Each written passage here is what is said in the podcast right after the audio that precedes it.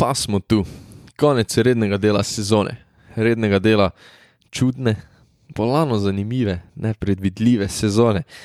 Še včeraj nismo mogli čist vedeli, ki bo sedela, kera ekipa, tako da je ta epizoda podcasta kar aktualna.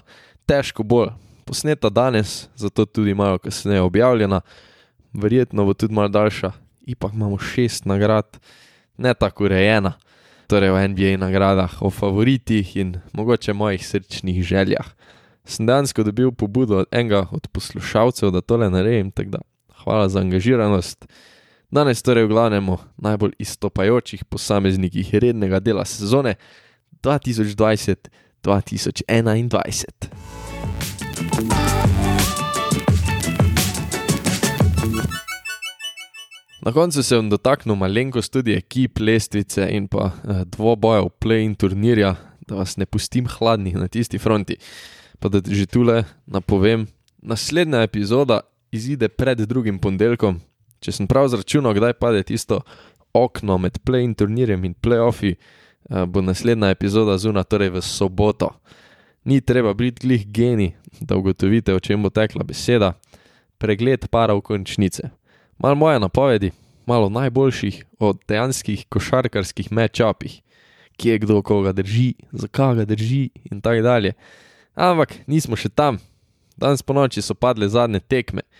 Tekme, ki so zacementirale končne položaje na lestvici in poskrbele, da imajo na zahodu peta, šesta in sedma ekipa identično število zmag in porazov.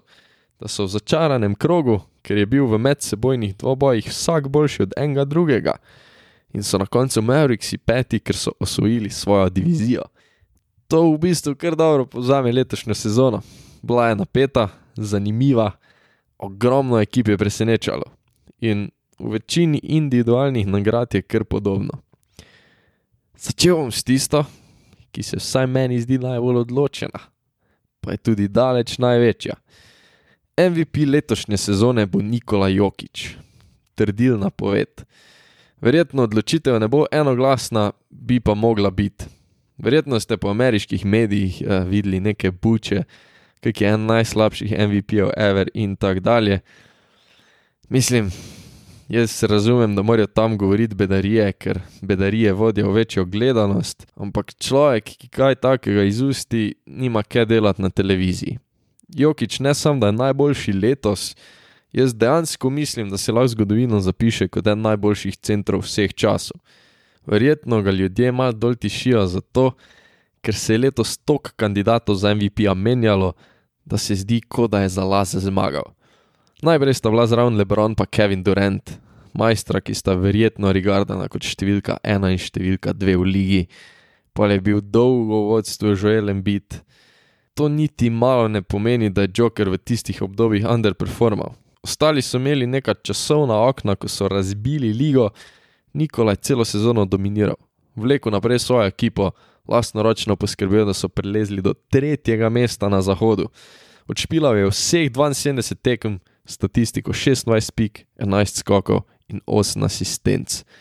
Cel napad je sestavljen okoli njega, itak dosega točke, ampak svojo inteligenco, razumevanjem igre in sposobnostjo organizacije dviguje nivo tako ekipe kot posameznikov.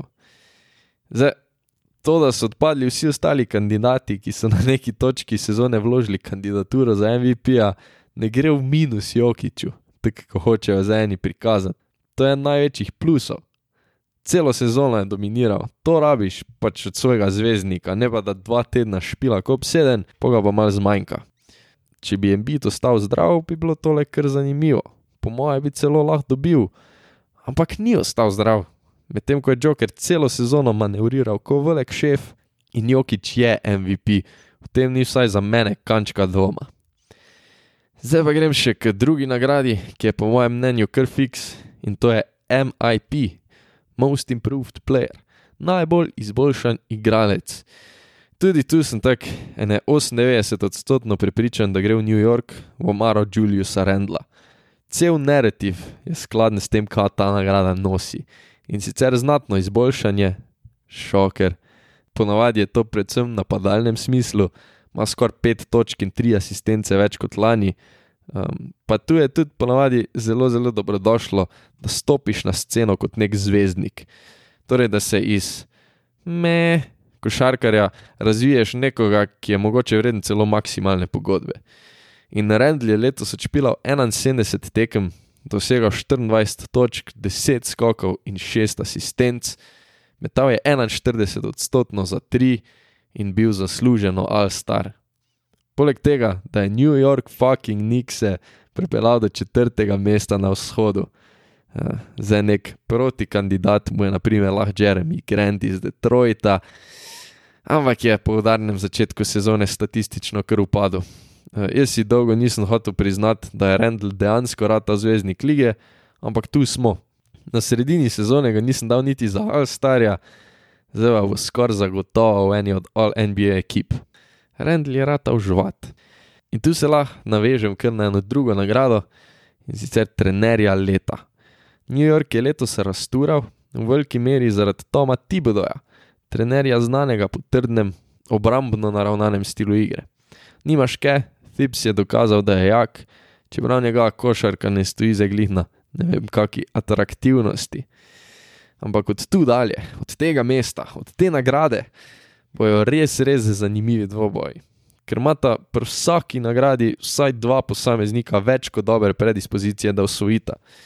Tu je tisti drugi trener Phoenix Sunsov, Monty Williams. Sonca iz Arizone že celo večnost niso bila v playoffih, letos pa so druga najboljša ekipa v ligi. Vse se je začelo že lani v Mehurčku, ko je moštvo pod Williamsom začelo ubijati, svojo končno stopnjo pa so dosegli letos s Chrisom Polom. Torej, Tom Thibodeau ali Monty Williams. Jaz mislim, da Monty. Sicer se je od Phoenixa že od začetka pričakovalo več kot od New Yorka, tako da to, da je outperformal pričakovanja, gre precej na roko Thibsu, ampak Phoenix ima vsem deset več zmag kot New York, to je daleč od nerelevantnega. Pol je treba tu zakup vzeti tudi, da so na zahodu, ki je vsem precej bolj zajeban. Zdaj, Upravičeno se lahko sprašujemo, koliko je za uspeh zaslužen Kris Paul, veteranska ukrepitev, ki je transformirala Sanse. Ampak kakorkoli obrneš, se je to zgodilo pod budnim očesom Montija Williamsa. Mi je pa zelo, zelo zanimivo, da se o nagradi za najboljšega trenerja na naglih fejst pogovarjamo o trenerju najboljše ekipe v ligi, Utah Jazzu. Mava moštvo iz Salt Lake Cityja kar konkretne kandidature v dveh drugih kategorijah. V Sixth Menu sta po moje kar glavna dva favorita iz Utaha. To sam potrjuje trditev, da so ena najbolj zaokroženih ekip zadnjih let. Glavna favorita za Sixth Mena sta torej Joe Ingles in Jordan Clarkson. Slednji bo po moje dobil, čeprav se pa ne strinjam, da si bolj zasluži. Dobil bo zato, ker si je v prvem delu sezone priigral noro prednost in bojo vsi mal pod vtisom tega, ne glede na to, da je po All-Star premoru njegova statistična uspešnost kar precej upadla. Dobil bo tudi zato, ker ima precej več pik, kar šest pik na tekmo več kot Ingles, kar se je v zadnjih letih pokazal nek glavni kriterij za osvojitev te nagrade. Clarkson mi deluje kar mal reinkarnacija Louisa Williamsa, košarkarja, ki je serijsko osvajal to nagrado. Osvajal pa je po istem principu kot Clarkson. Začel je na klopi in bil strelsko gonilo druge ekipe. Torej, dali so ga not, pa je capal pike, pa nič kaj druga, če je malo posplošim. Pa še en, kar znaten kriterij ga drži nad Inglesom in sicer začel sam eno tekmo, medtem ko jih je Ingles začel kar 30. To tih 30 tekem znese približno 45 odstotkov vseh tekem, ki jih je odigral. Če bi Avstralec vseeno dobil to nagrado, bi torej postal rekorder v začetih tekmah. Prejšnji najvišji procent prvih peterk za Sixtmana je bil 43 odstotkov. Zdaj, če povzamem, jaz mislim, da bo zaradi strelskih izkupičkov in mogoče nefer tradicije preteklih let nagrado pobral Jordan Clarkson. Inglesu pa bi jo dal zaradi večjega vpliva na igro. 12 točk, 5 asistenc in 4 skoki na tekmo, pa kar 59 odstotkov za dve točki in 45 za tri. Poleg tega lahko organizira napad, ko Juta to rabi in ima precej več vpliva na dejansko igro moštva, medtem ko Clarkson bolj kot ne dosega pike. In čeprav to dela več kot uspešno, je pri precej velikem volumnu trice metal le 35 odstotno. V kategoriji za najboljšega igralca sklopi je tekma med dvema soigralcema z različnima stiloma igre in različnima nalogama. Pričemer bi jaz osebno rekel, da bo nagrado zaradi malce zgrešene percepcije, kaj ta nagrada pomeni, dobil manj pomemben člen franšize z višjo cifro pri doseženih pikah. Pri drugi nagradi, ki po vsej verjetnosti Roma v Utah, pa je favorit njihov center Rudy Gobert. Če veste, da je bil že dvakrat obrambni igralec lige, ni težko sklepati, za katero nagrado gre. Tudi tu ima sicer kar krepkega proti kandidata iz Filadelfije, Bena Simonsa. Sem pa že v eni od prejšnjih epizod omenjal, da sta praktično popolno obrambno nasprotje. Da se najprej dotaknem Simonsa, jaz bi bil zelo vesel, če jo dobi. Ne glih zaradi njega kot posameznika, ampak zaradi tega, kaj predstavlja. Simons je organizator igre visok več kot 210 cm. Zaradi hitrosti in agilnosti, ki pa jo pač doda temu telesnemu okvirju, je na papirju sposoben kriti vseh pet položajev, štiri pa definitivno nadpovprečno dobro. Simons je torej ena na ena defender, velik, močen, dobro bere nasprotnikov napad, kar vodi do blokad in ukradenih žog. Kot že omenjeno, pa ga lahko postaviš na najboljšega posameznika nasprotne ekipe, ne glede na to, kjer položaj igra. Z agresivnostjo praktično zaduši nasprotnika, tudi najboljše basketaše v ligi. Iz glave se spomnim tekme proti Dallasu, ko je kriv Dončiča in ga silu v izgubljene žoge.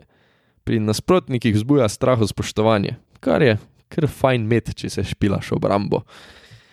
Zdaj pa tisto vprašanje, kaj nekoga naredi najboljšega obrambnega igralca sezone? je to sposobnost pokriti in zadošiti najboljšega nasprotnika, s tem torej hudo omejiti določenega posameznika ali praktično voditi cel obrambni sistem, ga sidrati, skrbeti, da noben od peterice nasprotnikov sploh noče v raketo, ker vejo, da jih tam čaka žvat. Taka žvat je Rudy Gober. Njegove obrambne statistike se pišejo v metrikah, ki jih tudi sam ne razumem, ne poznam ampak point je, da posebej obrambnega centra, blokade, zaklene svoj obroč in dobro rotira, tako da ni tu trte mrte. Čez njega ne moreš zaključiti, kar popolnoma spremeni napad nasprotnikov. Odločajo se za slabše mete, strah jih je iti v raketo, posledično pa celotna ekipa ni glih učinkovita. To so te zakomplicirane metrike, ki govorijo zgodbo njegove obrambe, ko probejo meriti nemerljivo. Vzrok za obrambno dominacijo je sicer več članov ekipe Utah Jazza, ampak Gober je platforma, sidro, ki to omogoča. Okoli njega se vse vrti in ima neverjeten obrambni vpliv, če tudi se mogoče ne vidi neposredno na statistiki. Lahko torej tudi rečem, da ima večji vpliv na obrambo ekipe kot Simons. Zato tudi verjetno je prav, da dobi nagrado za najboljšega obrambnega igralca leta. Ampak težko pa ena na ena zaustavi nekoga, tako jih zaustavlja Simons. In tudi to je proti kakim zvezdnikom zlata vredno. Za meni osebno je definitivno boljše, če obramba ena na ena. Ko vidiš, kako zafrustrira nasprotnike, ko ne morejo prebiti, pa uporabljajo čisto vse trike, ki jih poznajo. Ne gre, zid. Simons ima po mojem možnost, jaz bi bil vesel, če dobi nagrado, je pa daleč od tega, da si je guberne zasluži in je precej verjetno tudi kar favorit. In še zadnja, tudi noro zanimiva nagrada, ki je dolgo zgledala že oddana. Novinec leta. Lanski nabor ni glih ogromno obetal, pa so nam mladeniči pokazali nasprotno. Razvilo se je nekaj neizbrušenih diamantov. Tekmi za rukija sezone sta realno dva, prvi in tretji pik. Anthony Edwards iz Minnesote in Lamelo Ball iz Charlotte Hornetsov. Še vedno najstnika pa sta pokazala že res veliko. Da že na tem mestu rečem, po moje bo Ruki ovdel Lamelo Ball, čeprav mislim, da bi mogel biti Anthony Edwards. Ball je bil zaradi očeta in brata, prvi ima prevelika usta, drugi že igra v ligi, deležen največ pompa vstopu v ligo, pa ga je verjetno celo presegel. Bil je velik del presenečenja, ki so ga predstavljali Charlotte Horneci. Uh, Lamelo je imel ogromno vpliva, veliko vlogo, niti malo pa ne dvomim, da ste videli kak njegov highlight. teh ima v svojem repertoarju ogromno. Čeprav je njegova učinkovitost srednja žalost, ima 16 pik, 6 skokov in 6 asistenc na tekmo. Zelo, zelo dobro za novinca. No, ima pa Anthony Edwards glede na celotno sezono še slabše procente, čeprav je statistika tudi kar na vse dobro, no, 19 točk, 5 skokov, 3 asistence. Kar ga za mene delno vršča na vrh, je tudi njegovo izboljšanje. Tekom sezone je najdel uprijem nad NBA košarko in se neprestano izboljševal. Tudi uspešnost je bila proti koncu kar solidna, začetki v ligi pa so vedno težki. Če dobi bolj, ne bom jezen.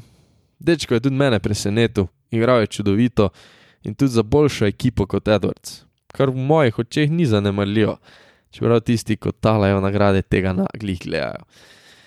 Kar pa tudi ni zanemarljivo in bi po mojem mogel biti razlog, da Edwards dobi, pa je to, da je odšpilo 21 tekem več kot Lamelo. Igralec Hornecev si je zlomil kost v zapestju in kar nekaj cajta manjkal, medtem ko so Timberwolves imeli celo sezono možnost koristiti Edwardsa. Jaz razumem, da letošnja sezona, glede na okoliščine, ne daje toliko poudarka na tem, koliko tekem je kdo odšpilal, oziroma je prak tega precej nižji, ampak razlika 20 tekem je precejšnja. Tako da moj rok je Edwards, si pa nekako mislim, da bo imel a ta bolj končno se zahvaliti z nečem, ko ni glih izeriti potegnil. Tako, moj MVP je Nikola Jokič iz Denver Nuggetsov, najbolj pa se je izboljšal kralj New Yorka, Julius Randall.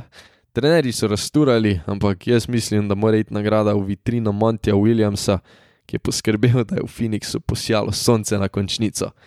Sixth man v Utahu je še tam režico in bo po vsej verjetnosti Jordan Clarkson, in če on dosega pike, in glavna naloga njegovega soigralca Rudija Guberja, da jih ne dopušča, in bo po mojem že tretjič obrambni igralec srednjega dela sezone. Ruki of the Year lahko gre pa v obe smeri.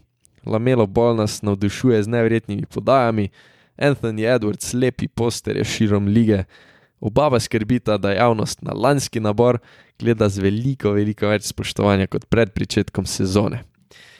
Tak, glavni del smo predelali, zdaj imamo pa še ene par stvari za reči o moštvih. Najprej o največjem presenečenju in pa največjem razočaranju sezone. O tem, zdaj, kdo me najbolj navdušil, bi se lahko pogovarjali kar nekaj cajta. Phoenix sem napovedoval v končnici, ampak so presegli vsa pričakovanja, pol Charlotte so dolgo ubijali, pa so jih mal skinile poškodbe. Tudi Brooklyn si nisem mislil, da bojo tako delovali. Ampak največje presenečenje so v mojih očeh New York Nixi. O njih sem že tako nekaj govoril, ampak jaz sem dejansko mislil, da so loterji ekipa, pa so prilezli do četrtega mesta. Home court advantage v končnici. Trener Tom Thibodeau jih je pošlihtal, spostavil trd sistem in dal krila Rendlu, po manjši meri tudi RJ-u Beretu in Deriku Rousu. Thibs je znan po tem, da svoje zvezdnike tera do nemoglosti. Tako da bomo videli, kam lahko posežejo v končnici, ampak kapo dol, vrnili so košarko in končnico v Madison Square Garden. Zdaj, tudi razočaranje kar neka, ampak prevelik moštvih je to posledica okoliščin. Naprimer Lakers in Boston, obojni so končali sedmi v play-in turnirju, pa sem jih pričakoval krepko više. Sam, obojni so imeli poškodbe na poškodbe, v Bostonu so imeli še okužbe predvsem Jason Tatum se ni vrnil glih pravi. V glavnem, ogromno nekih okoliščin, povezanih na specifičnost sezone, je moštvo tišalo dol po lestvici. In zato sem se tudi odločil za Chicago Bulls. Daleč od tega, da niso imeli nič problemov, proti koncu tudi z Zekom Levinom, ki je spustil drugo polovico aprila, ko se je sezona najbolj lomila.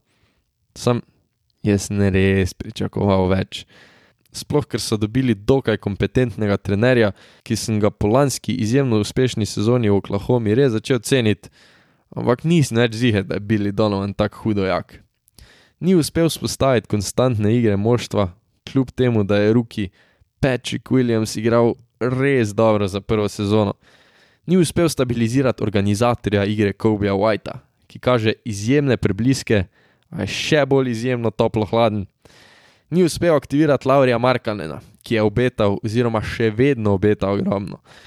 No, pa sploh še nisem omenil, da imajo dva All-Starja. Dva! Zdaj, Klavin je celo sezono igral pošastno, dosegal je več kot 27 točk na tekmo. Na trade deadline pa so pripeljali še Nikolo Vučeviča. Redno so pričakovali prehitro in preveč, logično je, da se mora ta zvezdnika naučiti igrati skupaj. Sam, glede na individualno kvaliteto, ki jo predvsem slednja dva predstavljata, so zgubljali tekme, ki jih res ne bi smeli izgubljati. Obramba je dokaj bugarajč, Chicago pa spet ni v končnici ni konc sveta, sem pa pričakoval več, da se tudi v vetrovnem mestu začne končno špilati playoff košarka. Tak, zdaj pa sam še ušvrknem pare za play-in turnir, pa pa se čujemo v soboto. Na vzhodu imamo prvo kot devete in desete Indiana Pacers in Charlotte Hornets. Obojni so začeli udarno, pa so se kar ohladili proti koncu sezone. Rajš bi videl Charlotte, ampak mislim, da ima glede na videno boljše predispozicije Indijana, tudi ker imajo najboljšega košarkarja tega para, Domantasa Sabonisa. Pol je pa veliko bolj zanimivo med Bostonom in Washingtonom. Dansko mislim, da je najbolj verjetno, da oba prijeta v playoffe. Washington Wizards so sicer šli v zadnjih mesecih na neverjeten niz, Boston pa je že tako tak hudo obožan, sam imajo pa precej boljšega trenerja lahko postavijo dobro obrambo, narasla Westbrooka, pa če se Jason Tatum utrga, lahko obrambno bogim vizarcem nasuje 50 pik. Bo pa pol Westbrook ubil Indijano ali pa Charlotte, da se bojo lahko spet vsi menili, kak je noro dober. Ali pa že Boston. V vsakem primeru, kjerkoli dve ekipi prideta tule naprej, prideta tule v playoffe, po mojem, nima takih šans, da prideta ven iz prve runde. No, Na Westu je pa kar bolj zanimivo. Že 9. in 10. uvrščena Memphis in San Antonijo nam lahko prikažeta zelo, zelo dobro tekmo. Sploh Memphis ima veliko talenta, dobrega trenerja, čeprav tu ne ima San Antonijo enega najboljših vseh cajtov. Uh, ima pa San Antonijo tudi ogromno takih zanimivih, kvalitetnih posameznikov, uh, Demar DeRozan, ampak po drugi strani ima pa Memphis najbolj flashy košarkarja, Žamorant je kar jak, pa bi znal navdušiti. Tako da to je nekako moj feeling, no, da po mojem gre Memphis naprej. Pova prijemo do dvoboja med Lakersi in Golden Stateom. LeBron James proti Stevu Curryju. Epska tekma, na kateri lahko gre v obe smeri, sam so Lakersi, če bo zdravi, seveda, po mojem, kar boljši, pa bi mogli tole brez nekih večjih problemov popakirati. Nas pa to pol prinese do še enega res zanimivega dvoboja med Golden Stateom in kdorkoli pač zmaga. Če zmaga Memphis, bo zanimivo gledati bit kot Jamoran Steph Curry. Ampak jaz bi tam tudi stal na Golden State. Ali pa na Lakers, če slučajno Lakersi prvo tekmo zgubijo. V glavnem, proti Bronu in Curryju v takih situacijah res težko staviš. Pa da vidimo, ko je jači. No, evo, dolga, uh, upam, da natančna, definitivno obsežna epizoda. Upam, da ste zvedeli kaj novega, pa da še enkrat, 15. povem, snajpajte novo epizodo tam okoli vikenda, da štartamo playoffe tako se spodobi, z mletjem in razdelavanjem, kdo bi mogel iti naprej. Sam zato, da nas pol razmontirajo, pa zmaga največji underdog. Zato pa imamo radi basket.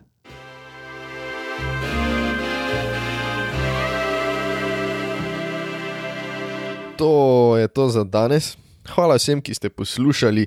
Izjemno pa vam vesel, če se odločite naročiti, oceniti ali pa napisati review, ker to face pomaga podkastu.